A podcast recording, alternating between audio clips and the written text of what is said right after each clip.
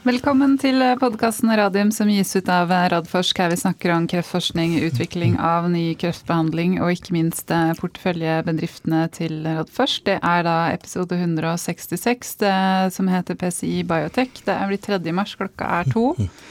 Kom inn i studio, Jonas Einarsson. Takk skal du ha, Elisabeth. Du hadde kanskje ikke vinterferie, for du har ikke sånne små barn lenger? Eh, jeg hadde faktisk besøk av mine barnebarn på ja, hytta, midt ja. i tåkehavet. Så det var jo bra, bra timing der med, med værmeldinga, men det var, det var, veldig hyggelig. Ja, så bra. Men uh, det var godt med en pause fra podkasten, eller er det Nei, altså det Nei. hoper seg opp så mye. Altså, det er jo podkaster både i hytt og pine fremover, så det, det Må ta, ta igjen det tapte. og så er det hyggelig å ønske velkommen til Per Valdai og Ronny Skugedal fra PCI Biotech.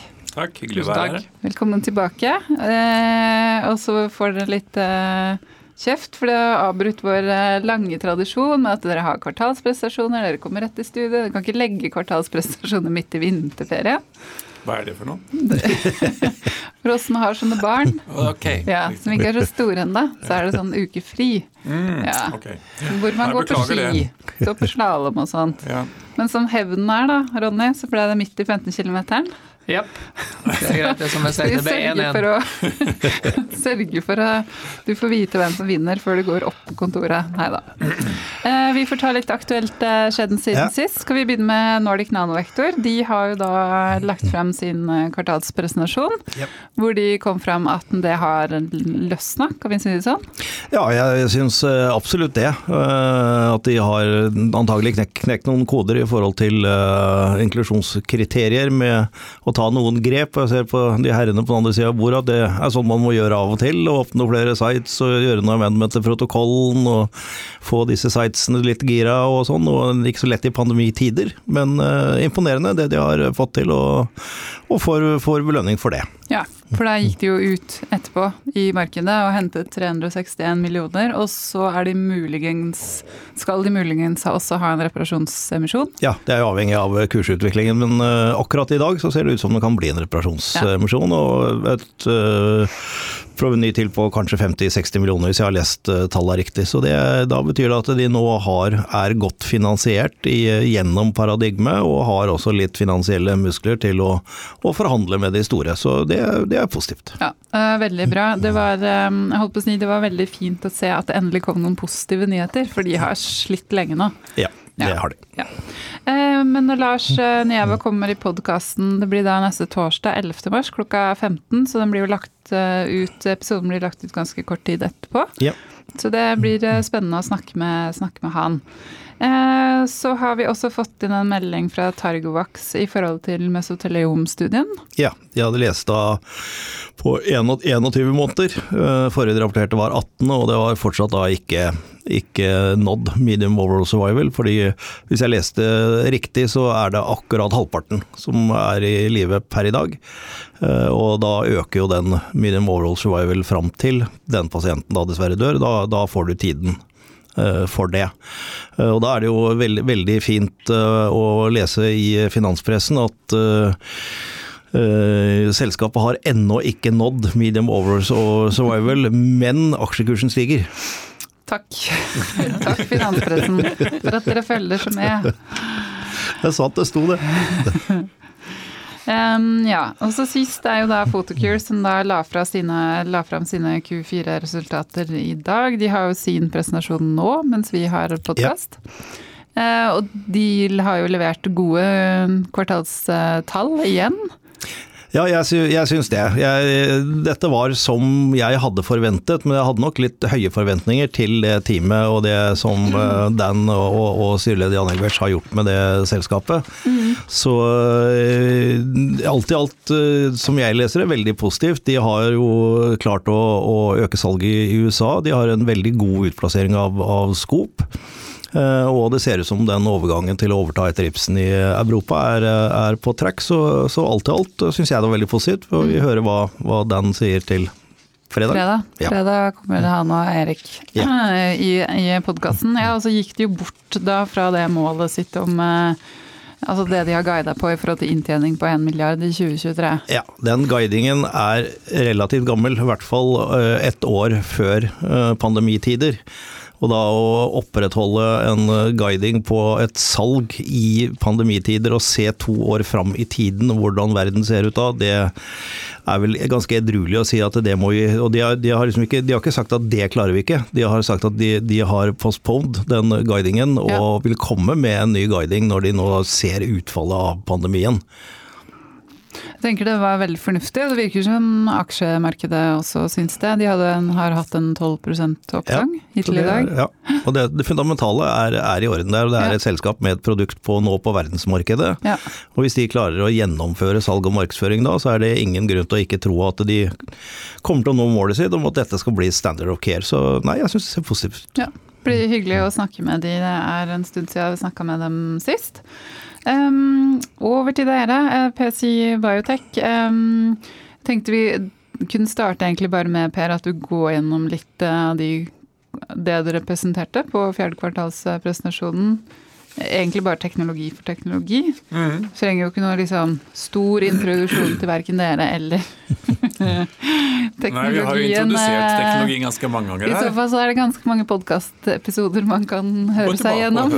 hvis man ønsker å liksom ja. ta det skje for skje. Ja, nei, ja. men det er fornuftig. Vi kan begynne da med Fimakem, som jo er vårt eh, mest, uh, mest langtkomne prosjekt. Der vi er i gang jo og kjører en global studie som er en registreringsstudie eh, innenfor gallegangskreft.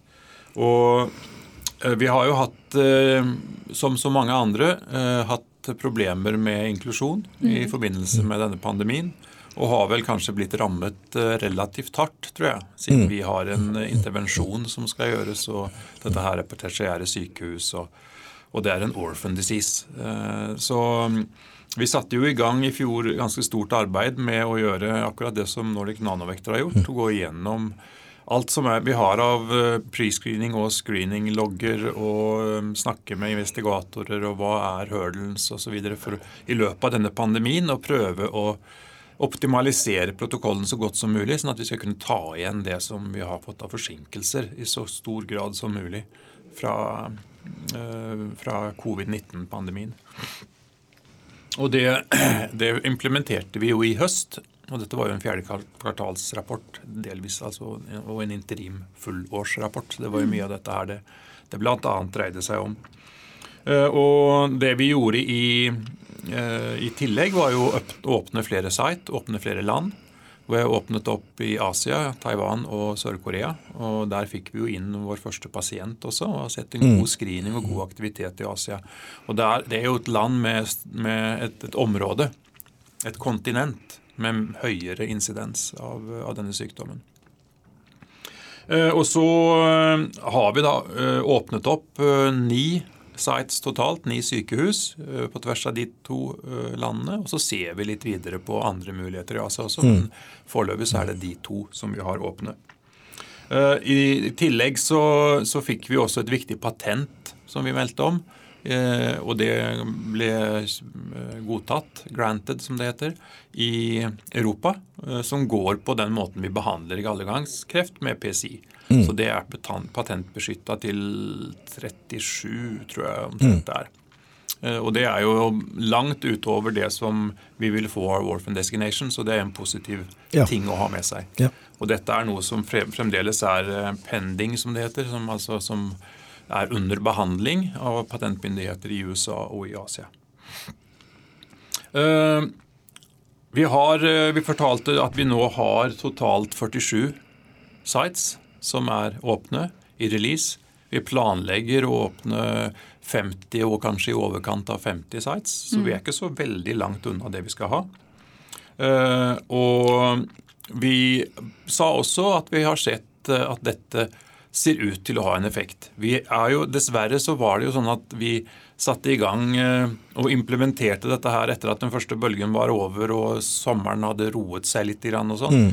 og implementeringen skjedde jo i oktober. Eh, vi begynte arbeidet i september med å implementere, og så skjedde det i oktober. Og det var jo akkurat da andre bølgen tok fart. Og det ble kaotisk i mange land. Så det var litt vanskelig å få vite med en gang hvilken effekt dette hadde. Mm. Men vi så en del økt aktivitet i, i Asia ganske fort. Mm. Og der hadde de ting under bedre kontroll. Eh, og så eh, har vi nå meldt i fjerde kvartal at eh, vi nå ser at det er en bedre screening, eh, høyere enrollment, inn til studien enn det vi hadde under eh, tidligere.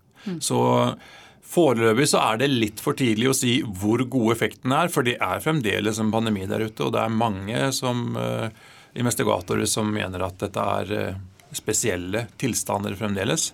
Men eh, vi ser gode tegn på at det ser ut til å ha en, en god effekt. altså. Så får vi komme tilbake til Vi beholder da den eh, rangen som vi har satt opp, med eh, annet halvår 22, første halvår 23 til en interimavlesning i denne studien. Til vi ser hvor, om det kommer det en tredje bølge av denne pandemien, får vaksinene virkelig satt eh, slutt på dette her. Det ser jo sånn ut nå i både UK og Israel, så har de jo gode ting å rapportere. Eh, Det, bare det, det går så fryktelig tregt mange steder, og ikke minst her oppe, eh, dessverre. Men, eh, men sånn er det. Det har noe med tilgang på vaksiner å gjøre, eh, rett og slett. Men bare, bare litt i det, Per. fordi Du, du sier at dere har sett en økt screeningaktivitet som et resultat av de tiltakene som er gjort, og enrollment. Eh, Og, da- og da oversetter vi til norsk, så er det, det, det er rekruttering, Inkludering, inkludering i studien, randomisering av pasienter. Ja, Så du har sett en økt eh, aktivitet både i screening og i inkludering Ja. i studien, men dere vil ikke si noe om, tall?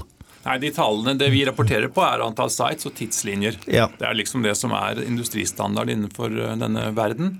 Det finnes noen outliers i dette landet som eh, forteller om eh, antall pasienter per måned omtrent.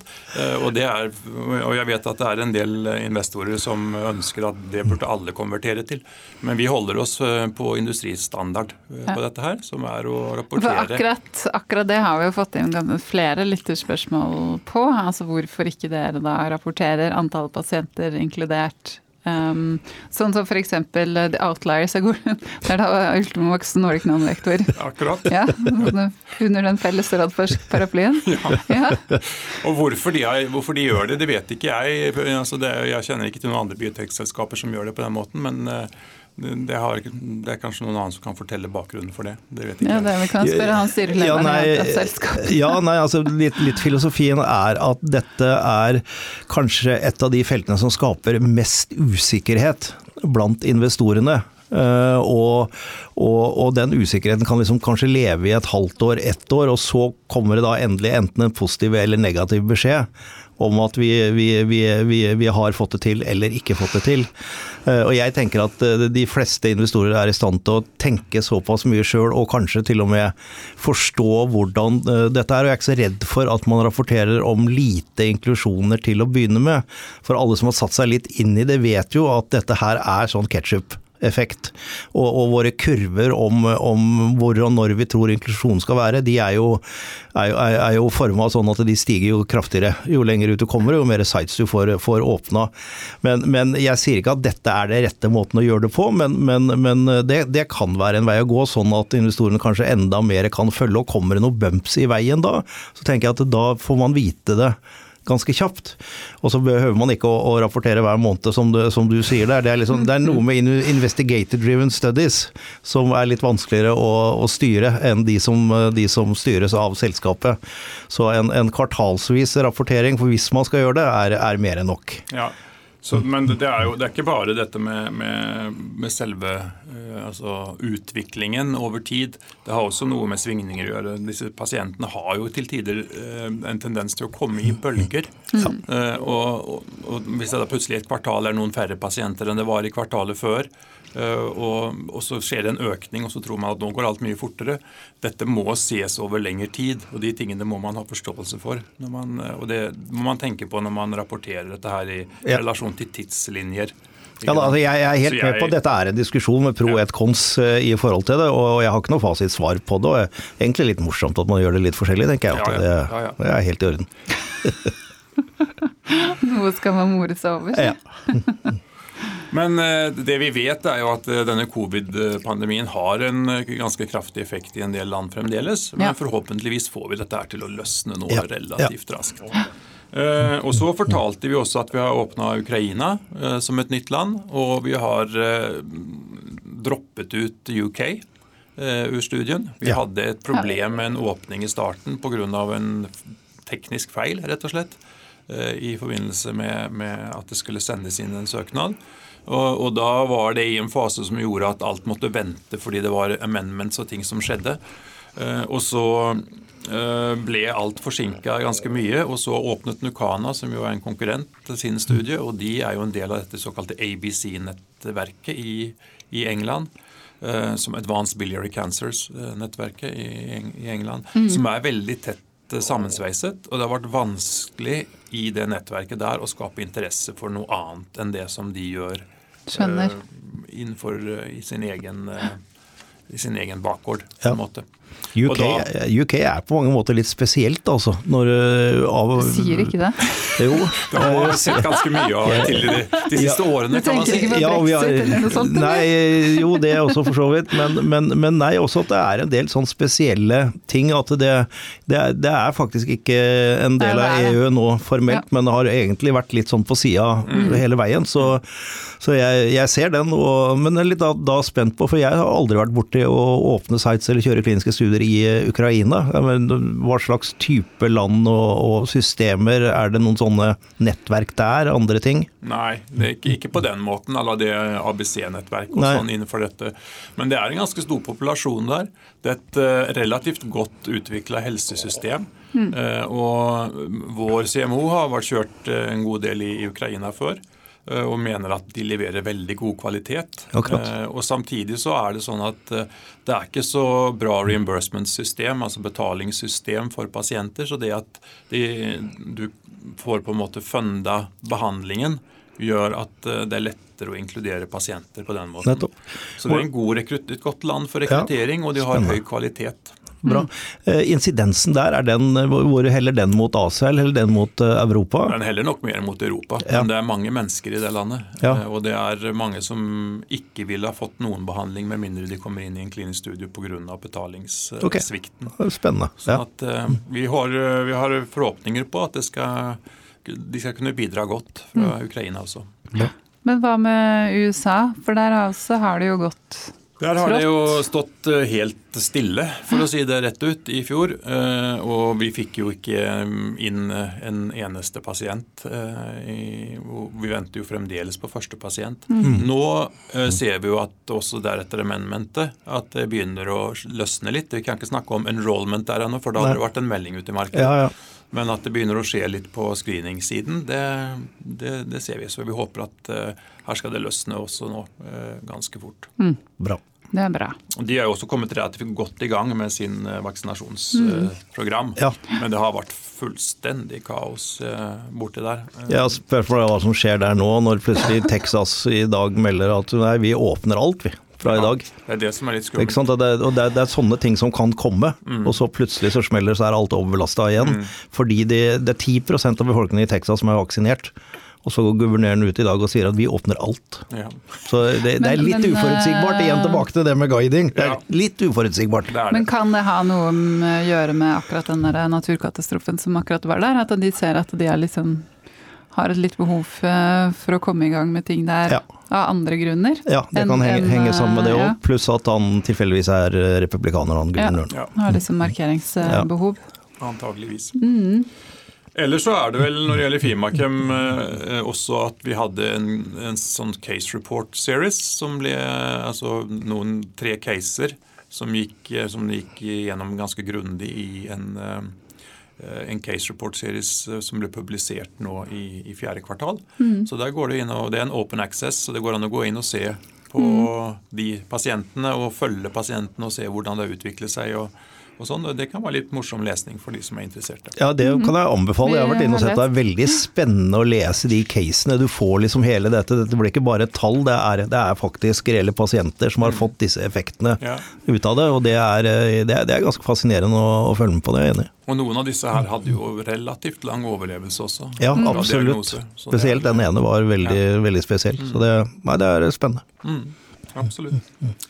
Det syns vi òg. Ja. uh, og så er det Det var vel Fimakem. Er det noe som uh, jeg burde ha nevnt mer på Fimakem, eller er det uh, Nei, det var jo eneste det jeg tenkte på rundt USA. At vi sier at vi har ikke inkludert noen pasienter, men vi har bare seks sites der. Ja, okay. det sånn skal Det er ikke på. det landet vi Nei, eh, det er ikke så viktig liksom, i totaliteten, Godt egentlig. I rekrutteringstotaliteten så Nei. er det ikke det. Nei. Eh, Det er et veldig godt poeng, eh, Mm. Ronny, som, som bør nevnes. Det er viktig å ha en fot inn der og Ja. få kontakt med Key Opinion Leaders og ha aksess til FDA og kunne diskutere med de.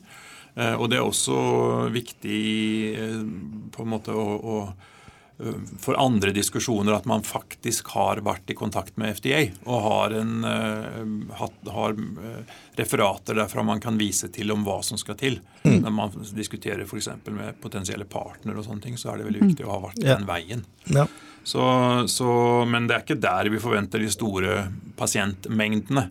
Nei, men Det er faktisk et veldig godt poeng. Det var ikke jeg klar over. For når vi tenker liksom at sånn half and half, eh, USA og, og Europa og resten av verden, så det er, det er faktisk et godt poeng. Så det er jo 30 sites i Europa og 6 i USA. Så Ja. det er en stor forskjell i hva vi forventer å få inn.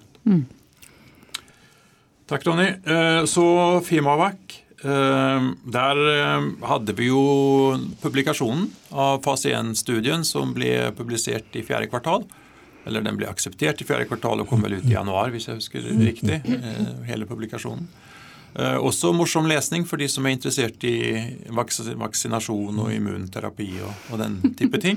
Og dykke ned i detaljene på de Mange av forskjellige oss har fått litt sånn overload av vaksiner for tida. Men, eh, ikke, ikke direkte i, i armen, men mer sånn på nyhet, Det er ganske mye om det for tiden, ja. Det er det. Og det er jo, men det er mye spennende der òg, altså. Mm. Jeg tror man kommer til å lære utrolig mye av denne pandemien. Eh, er fordi at det gjøres veldig mye forskning på hvem er det som har nytte av hvilken type vaksiner, og hva er det som er viktig i relasjon til hvordan et virus eh, slår ut på forskjellige personer osv. Så, videre. så det, det kommer nok til også ikke minst at disse nye teknologiene faktisk har fått et kjempesprang Ja, ja. fremover. Absolutt. Det Ja, veldig ved hjelp av spennende.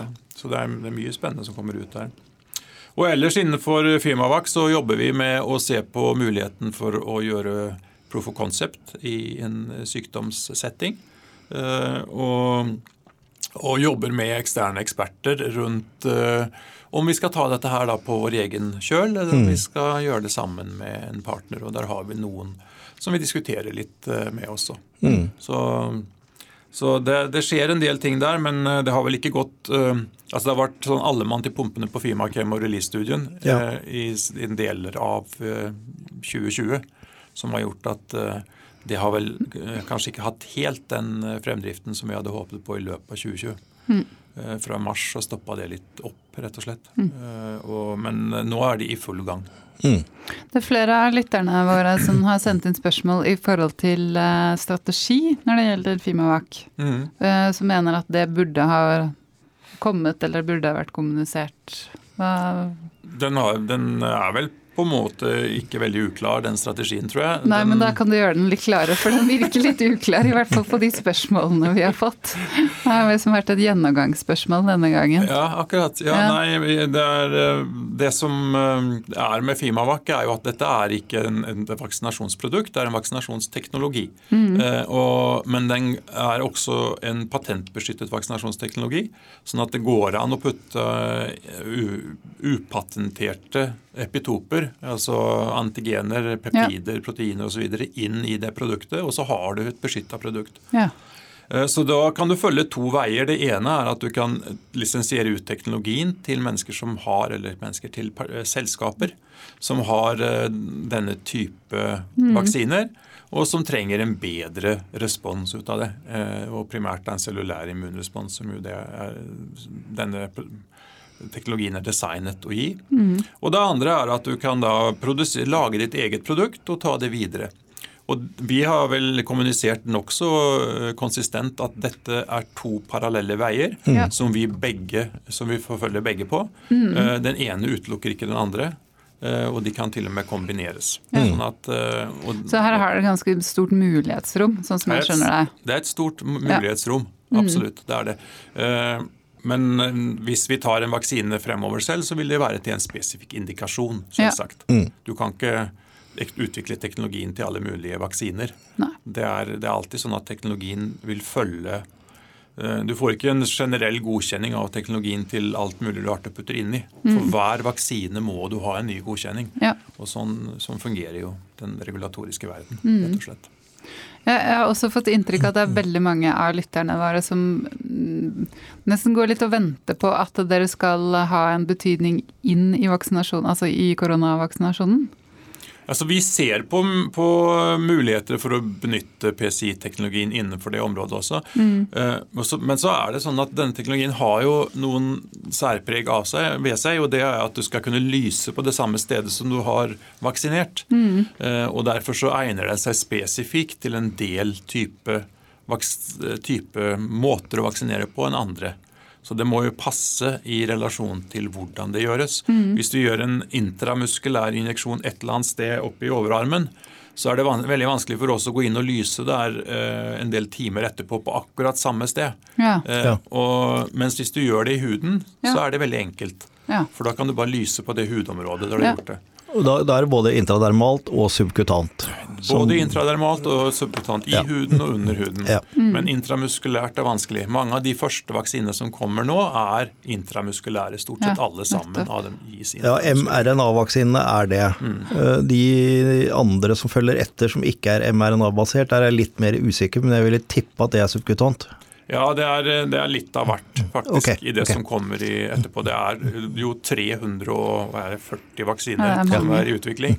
Så det er, det er, du har nesten alt, eh, kan man vel si. Ja. Og vi ser jo på hva som ligger av muligheter her. eh, Men eh, vi har ikke sagt noe annet enn at dette er et område som vi monitorerer, og at vi tror ikke at vi i første fase vil finne noen som er på en måte av frontrunnerne her. Men eh, at det kan være at, eh, at vi har muligheter for å, for å utnytte teknologien på noen av de som kommer i andre, tredje bølgen. Ja, og det, det, det må jeg skjønne litt, for det, det, nå, snakker vi infeksjonsmedisin og, og vaksine. Og så er den andre er jo da kreftvaksiner. Riktig. Eh, Men, men da på, på infeksjonsvaksiner så er vel de aller fleste går på antistoffproduksjon og ikke cellulært. Kan du si litt om det? Det er, det er riktig, men det man har sett er eh, jo, og det finnes flere artikler på dette her, er at eh, antageligvis så har T-celleresponsen stor betydning for effekten av covid-19-vaksiner. Ok. Eh, Sånn at, og det er, Du kan gå tilbake og se på de som har vært syke, og i hvilken grad de har vært syke, og i hvilken grad de har hatt en, en god T-cellerespons i relasjon til det. Eh, Så det finnes en god del ting som tyder på at det er viktig. Eh, Og når vi da titter, eh, ser på vår, våre resultater som vi har med, med, fra den fase 1-studien, hvis du går inn og ser i den, det paperet som kom ut nå, så vil du se at antistoffeffekten også forsterkes signifikant av vår teknologi. Nettopp. Det var ikke noe det var designa for utgangspunktet, men det er et, en tydelig effekt der Mm. også. Sånn at det er, eh, det er ikke noe motstridende eh, Nei. i det Nei. hele tatt. Eh, Som regel, altså sånn generelt, så, så sier man også at T-celleresponsen for helt vanlig influensavaksine er veldig viktig, og spesielt viktig kanskje i de eldre og mer eh, sårbare populasjonene. Så det er en del muligheter som ligger absolutt åpne der. Men det må være nok eh, spesielle populasjoner og spesielle ting man ønsker å oppnå. fordi at vi har jo en teknologi som innebærer at du skal gi en vaksine, og så en stund senere skal du lyse. og Det er en litt mer komplisert enn å bare gi et stikk og så gå hjem. Ja. Eh, og, sånn at det er, eh, det er de områdene der man kan eh, der man har litt spesielle behov, ja. som, som vi tror vi Malaria, f.eks. Malaria er et interessant område. Har ikke det akkurat kommet en vaksine som viser god effekt her? Nei, det kom leste- en vaksine som viser dårlig effekt der. Ja. Men eh, Jo, men jeg syns jeg leste, men var det ja, kanskje det prekliniske data? I mus er det mye som er Ja. mulig å gjøre. Og der er det veldig gode effekter. Stakkars mus. Måtte jeg på å si, heldigvis for musene. Ja, dette var en mRNA-vaksine. Ja. Mm. Men det er vel akkurat pga. den eh, diskusjonen rundt profylaktisk og terapeutisk at vi satser på eh, kreftvaksine Ja. i første omgang. Ja. Ja, ja. det er nettopp. Mm. Det er det vi ser på når vi ser på vår egen proof of concept osv. Så, videre, så er det primært på den terapeuten, altså på kreftvaksiner, ja. rett og slett. Så det var um, en del om Fimavac. Mm -hmm. egentlig mer enn jeg snakket om på Q4, men det var greit, siste, siden det er en del spørsmål tydeligvis om dette her. ja. Eh, og så var det jo selvfølgelig da Fimanak, uh, men denne, dette var jo klart. Dette kom jo en melding om, og det ble også nevnt i Q3, at uh, AstraZeneca valgte å si, si takk for seg. Mm. Um, og at de ikke gikk inn i et definitiv, en definitiv avtale med oss som de kunne da gjøre innen slutten av året. Og som sagt så er jo da sånn at de rettighetene blir overført til oss, eller ble overført til oss fra starten av dette året her.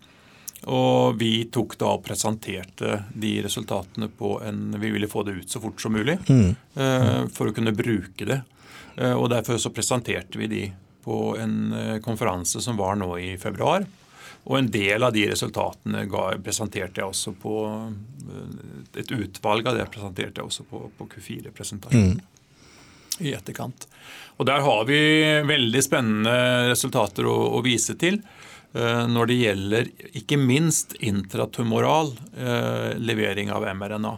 Mm. Der vi kan se at uh, når vi gir mRNA inn i en svulst, så kan vi faktisk lyse umiddelbart. Så du trenger ikke gå inn noen timer etterpå, men du kan lyse med en gang og få den effekten du ønsker. Mm.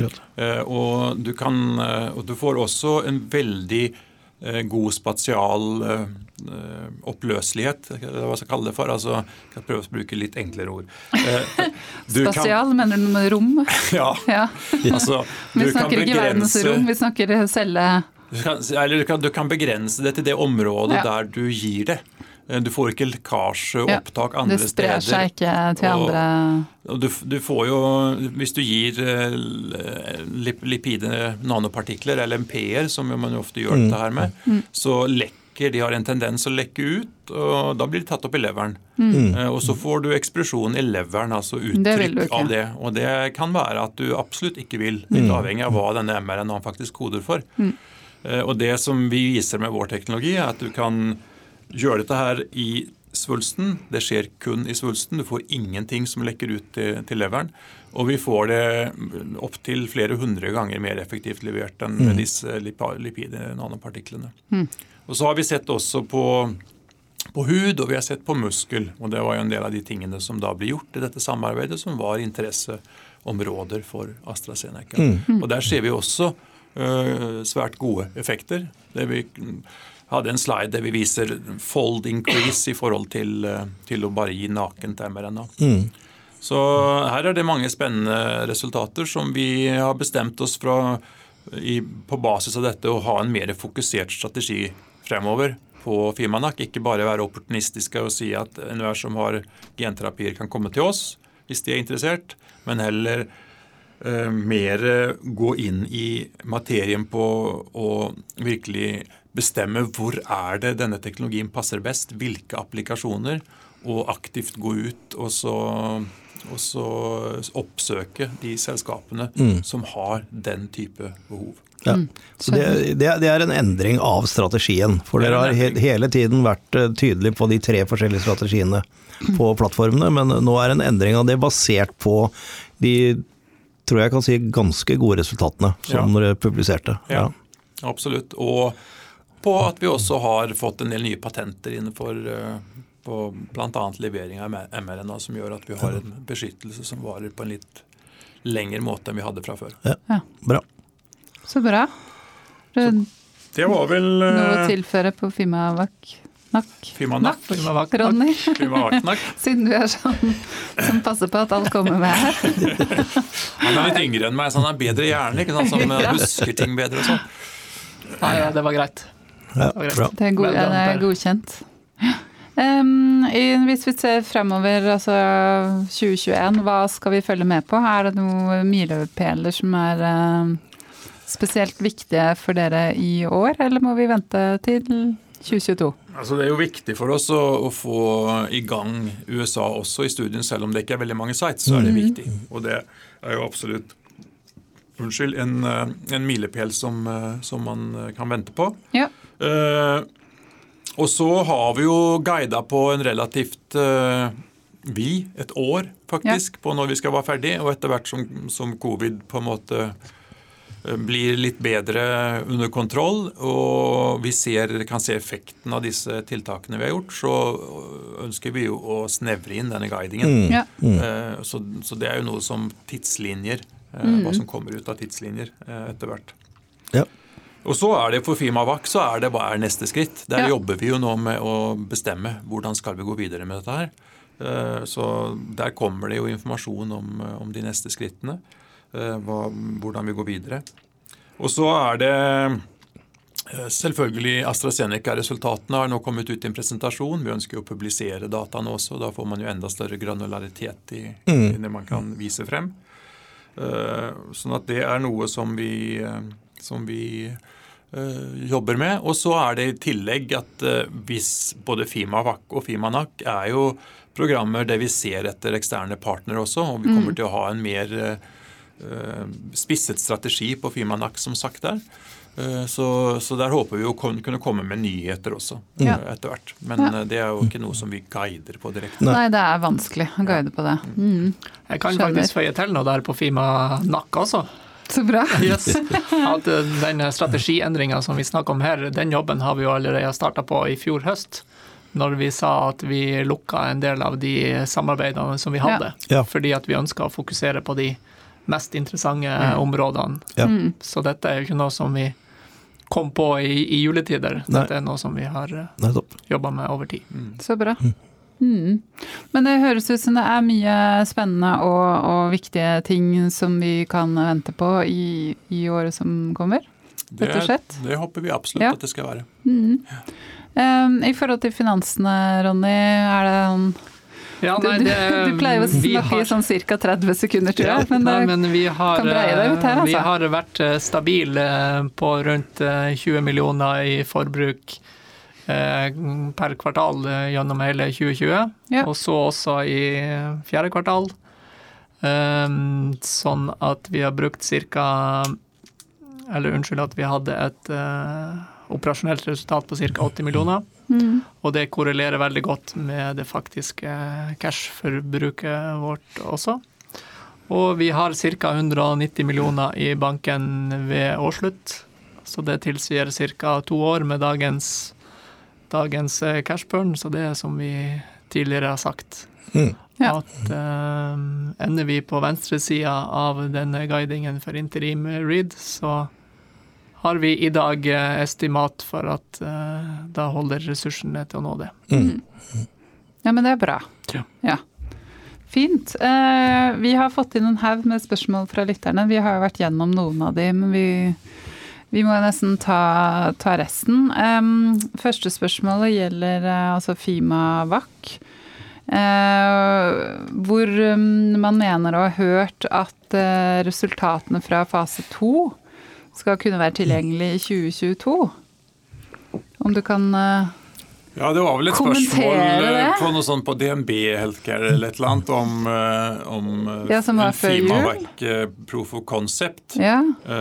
Og den har vi jo ikke planlagt ennå, eller kommet ut med. Men da ble det jo spørsmål om ja, men når vil det kunne eventuelt være resultater fra noe sånt. da? Mhm. Og Da tror jeg svarte jeg ikke neste år, men kanskje året deretter, Ja. som da er 2022. ja.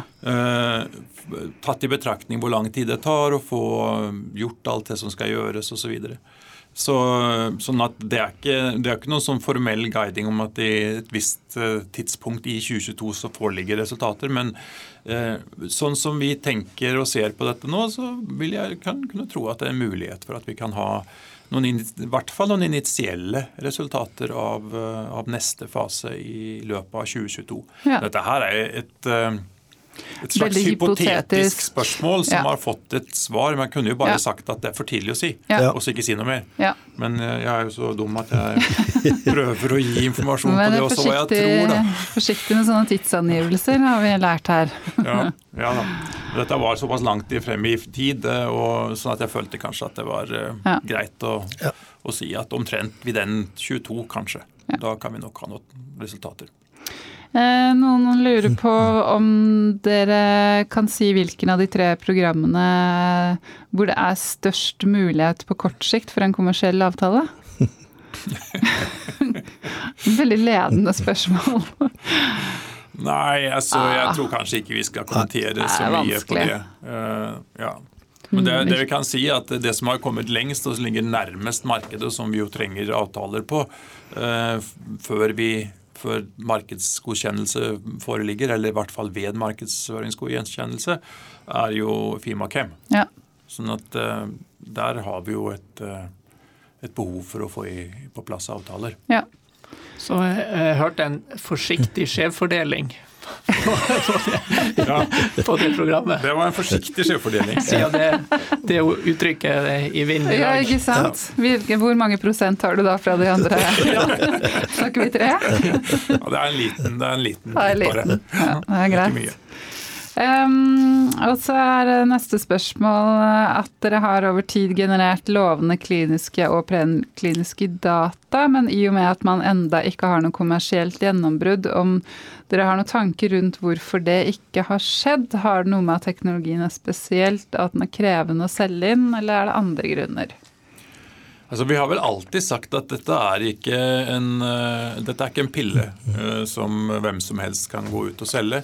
Nei. Dette er kanskje heller ikke et big pharma-produkt, men mer spesialistprodukt teknologi, I hvert fall når det gjelder Fimakem. Eh, og det har vel Det har jo noe med å gjøre at det er en litt spesiell teknologi.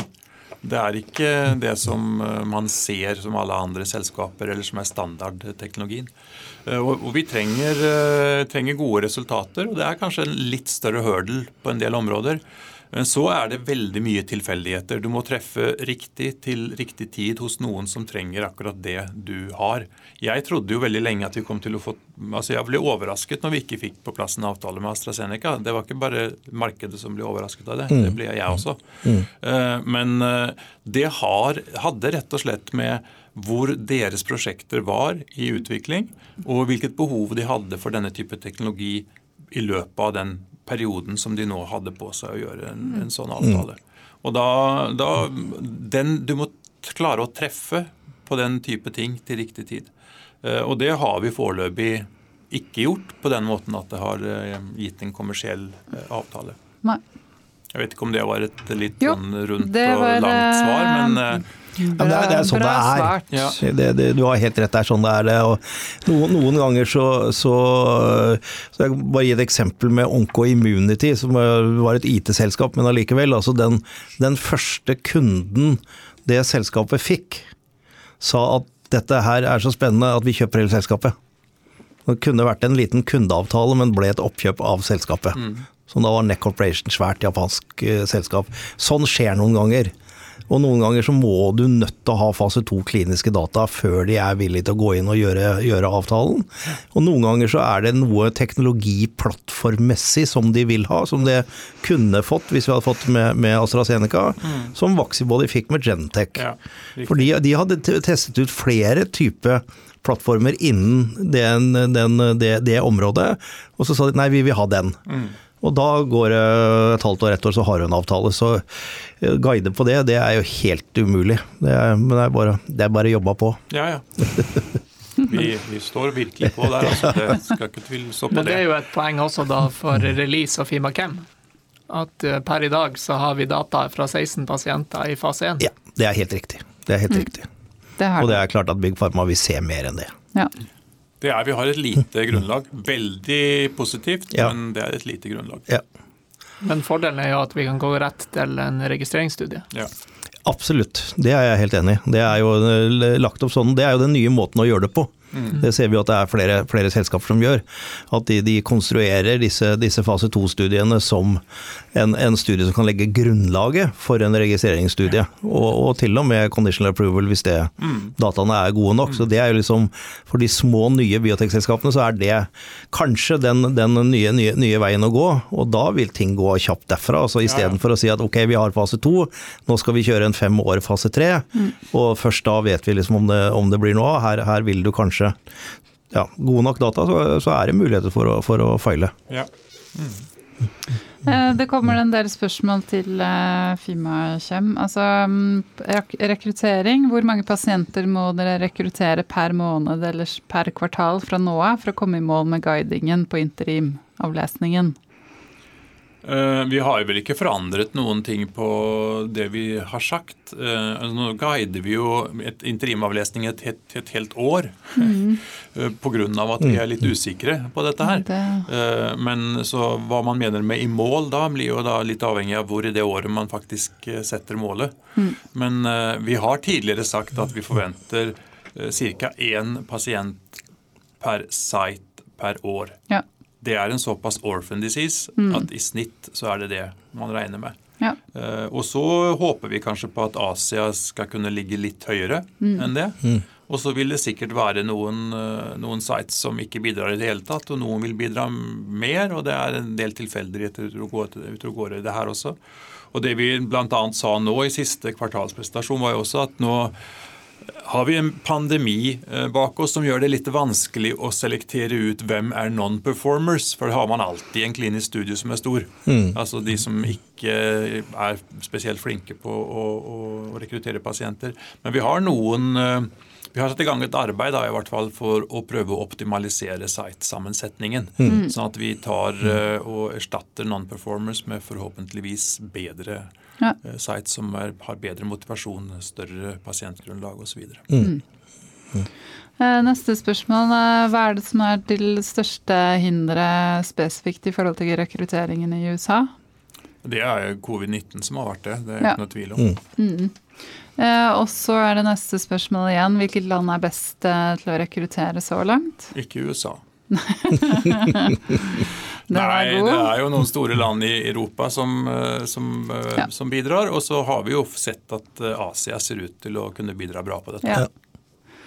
Um, og så kommer jo dette spørsmålet om det i forhold til å rapportere på antall pasienter, om, om dere tenker å revurdere den strategien? Vi har ikke noen revurdering av den strategien Nei. for nå i hvert fall. Vi følger det som er normal industristandard på dette. Ja. Jonas, I motsetning til disse outlierne til eh, Jonas. ja.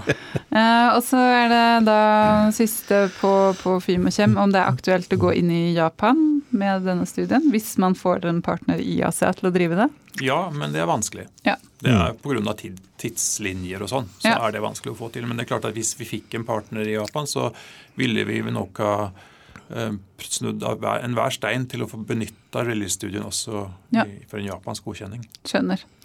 Eh, I forhold til eh, Fimavac, så står det det er kommunisert at den kommende studien blir i en kreftindikasjon. Blir check, checkpoint inhibitors, altså sjekkpunkthemmere, en del av behandlingen? Jeg tror det har vært relativt klart ganske lenge at vaksiner, og kun vaksiner, ja. i kreftindikasjoner er ikke noe man bør satse på. Uh, om det blir akkurat en checkpoint-inhibitor eller noen annen type immunmodulator, det får vi komme tilbake til mm. når vi har studien og indikasjonen og alt det på plass. Skjønner. Uh, Fimanak, uh, kan dere si noe om hva slags interesse og tilbakemelding dere har fått etter konferansen i februar fra henholdsvis farma- og biotekselskaper? Ja, vi har fått uh, henvendelser fra en del selskaper etter den mm. presentasjonen. Så det er en Eh, det er eh, veldig gode og interessante resultater. Mm. sånn at eh, mm. det har kreert en viss interesse. Mm. Eh, og så står det Det er mulig vi har vært innom akkurat det spørsmålet her. Det står at dere har kommunisert at dere øker innsatsen innen Fimanak. Innebærer det en endring av strategi? Ja. Mindre ja. opportunistisk, mer, ja, mer fokusert målretta på akkurat der vi mener at vi har en ja. Mm. Eh, og så er det spørsmål fra en ny lytter, og i forhold til strategivalg eh, om dere jobber etter en strategi hvor dere ønsker et langt utviklingsløp med få indikasjoner for å beholde hele kaken selv, eller er strategien å få inn partner, eller lisenspartnere på tidlig stadium, slik at man kan utvikle flest mulig indikasjoner innenfor de tre plattformene? Det er en blanding ja. egentlig. Ja. Eh, litt forskjellig fra plattform til plattform. Fimakem er jo per mm. definisjon et produkt, og det ja. produktet må utvikles direkte hele veien til markedet. Eh, og der kan du bare få én lisenspartner, mens de andre er plattformteknologier eh, mm. som kan kombineres med mange typer produkter, så der kan du få flere lisenspartnere. Så det er en blanding av de to. Ja. Um, og så går det i forhold til um forhold til uh, altså, veien videre, da. Um, sånn jeg forstår PCI-teknologiene, er de tre plattformene bare ulik anvendelse av teknologien. Blant annet har Per uttalt at Fimavac og Fimanak henger sammen.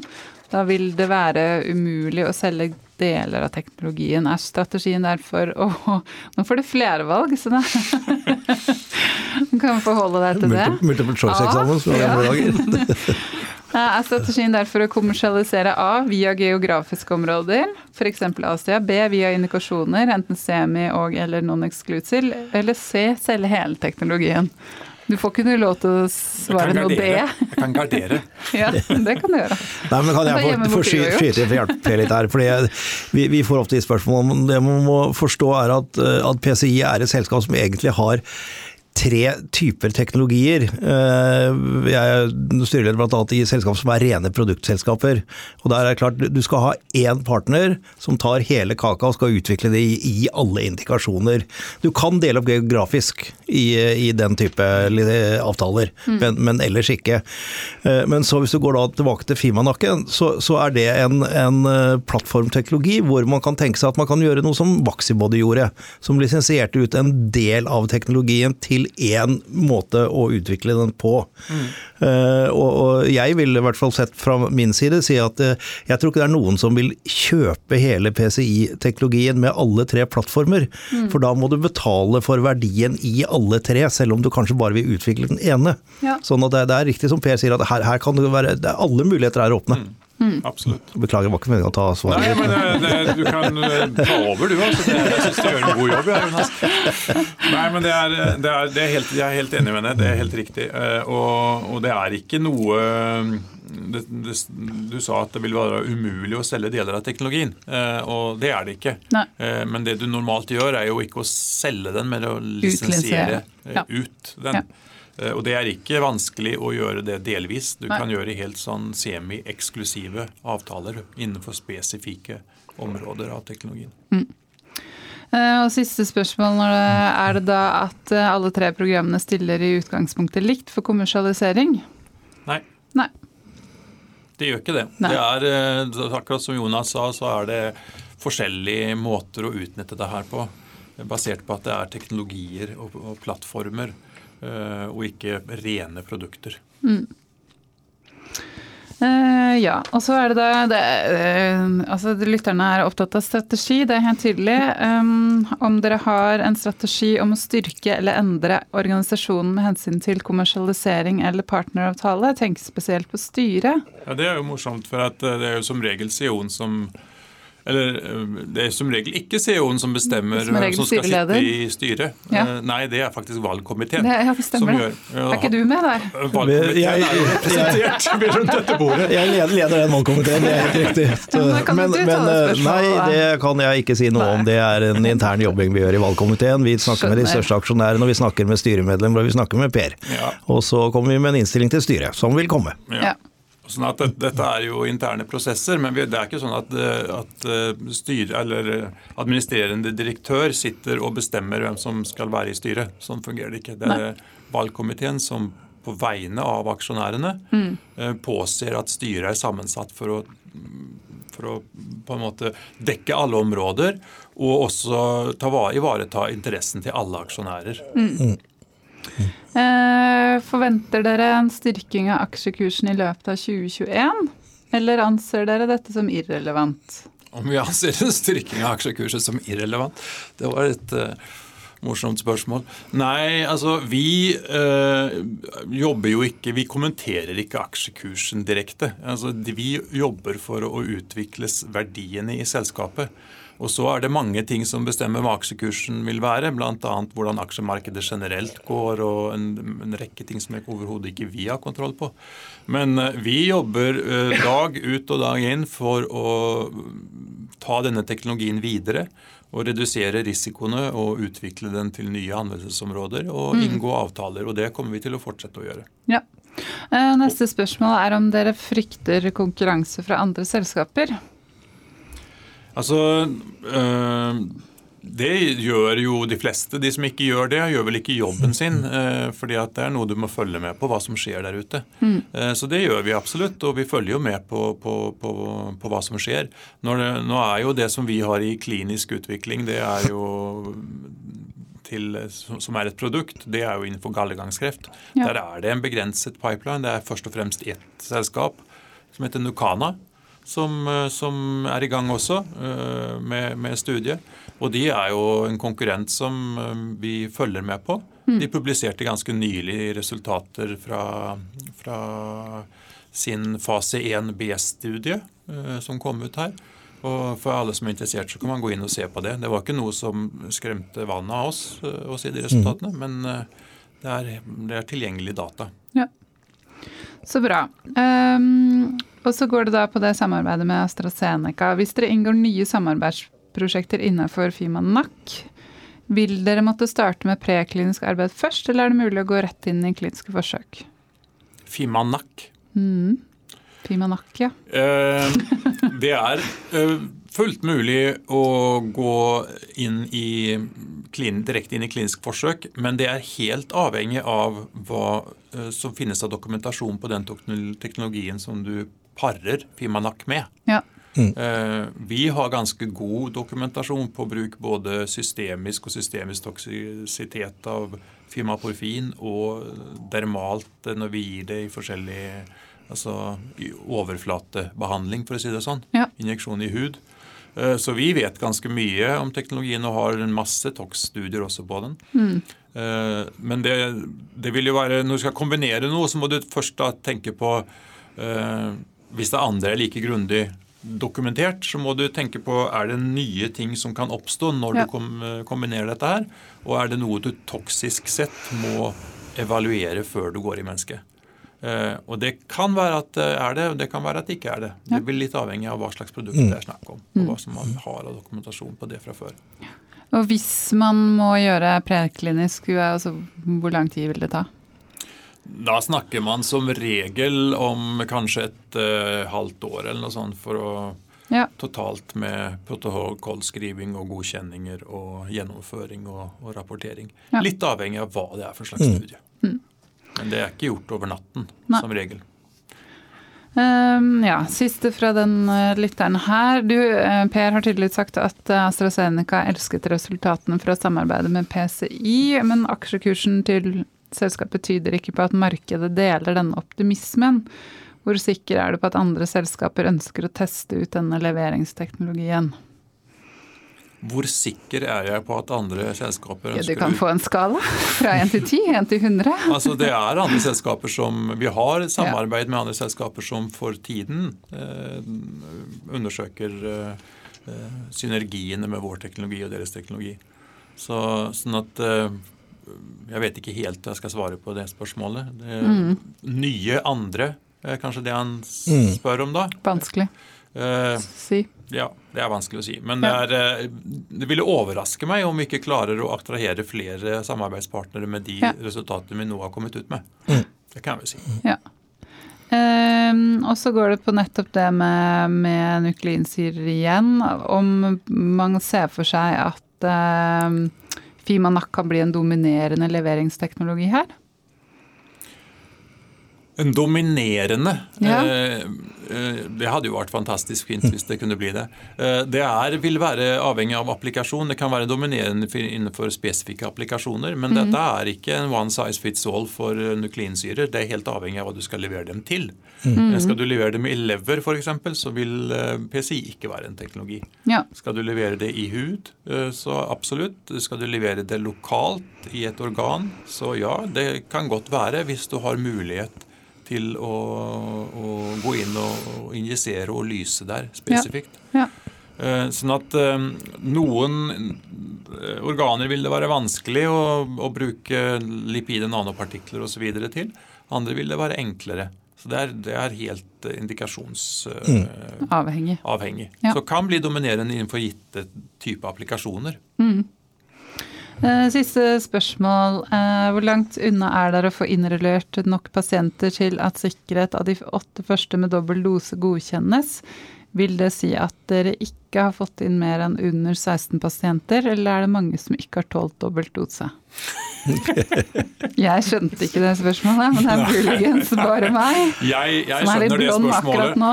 Jeg skjønner det spørsmålet, ja, det og dette svarte jeg på også i under fjerde kvartalspresentasjonen. Ja, For det spørsmålet kom opp der også. Skjønner. Uh, og det er sånn at uh, vi har en Independent Data Monitoring Committee som skal se på resultatene når vi har safety-data fra åtte pasienter i eksperimentell arm A, altså den, de som får PC-behandling, har fått to doser og gjennomgått safety-perioden.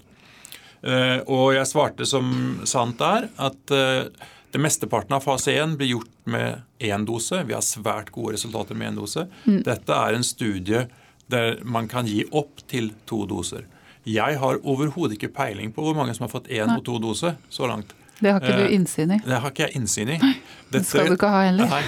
Eh, Og det kan være at, du, at eh, det må inkluderes eh, mange pasienter før vi får åtte som har fått eh, to doser. Det vet jeg ikke, Nei. rett og slett. Eh, Sånn at, men når dette har skjedd, så når dette skjer, så vil vi få beskjed om det fra CRO-en, som har noen som, er, eh, som ser disse resultatene og har oversikt på det. Og da vil vi kontakte IDMC, og så vil CRO-en, eh, altså de som gjør studien for oss, sammenstille resultater og sende det til IDMC, så de kan gå igjennom det. Og da vil vi kunne rapportere det. Ja. Men jeg kan ikke guide på det, for jeg, har, eh, jeg vet ikke. Skjønner. Det var eh, spørsmålene. Det var har du noe spørsmål. Ja, jeg vet. det blir alltid rekord når det Og nå har jeg luka bort ganske mange. Det har vært mange doble her.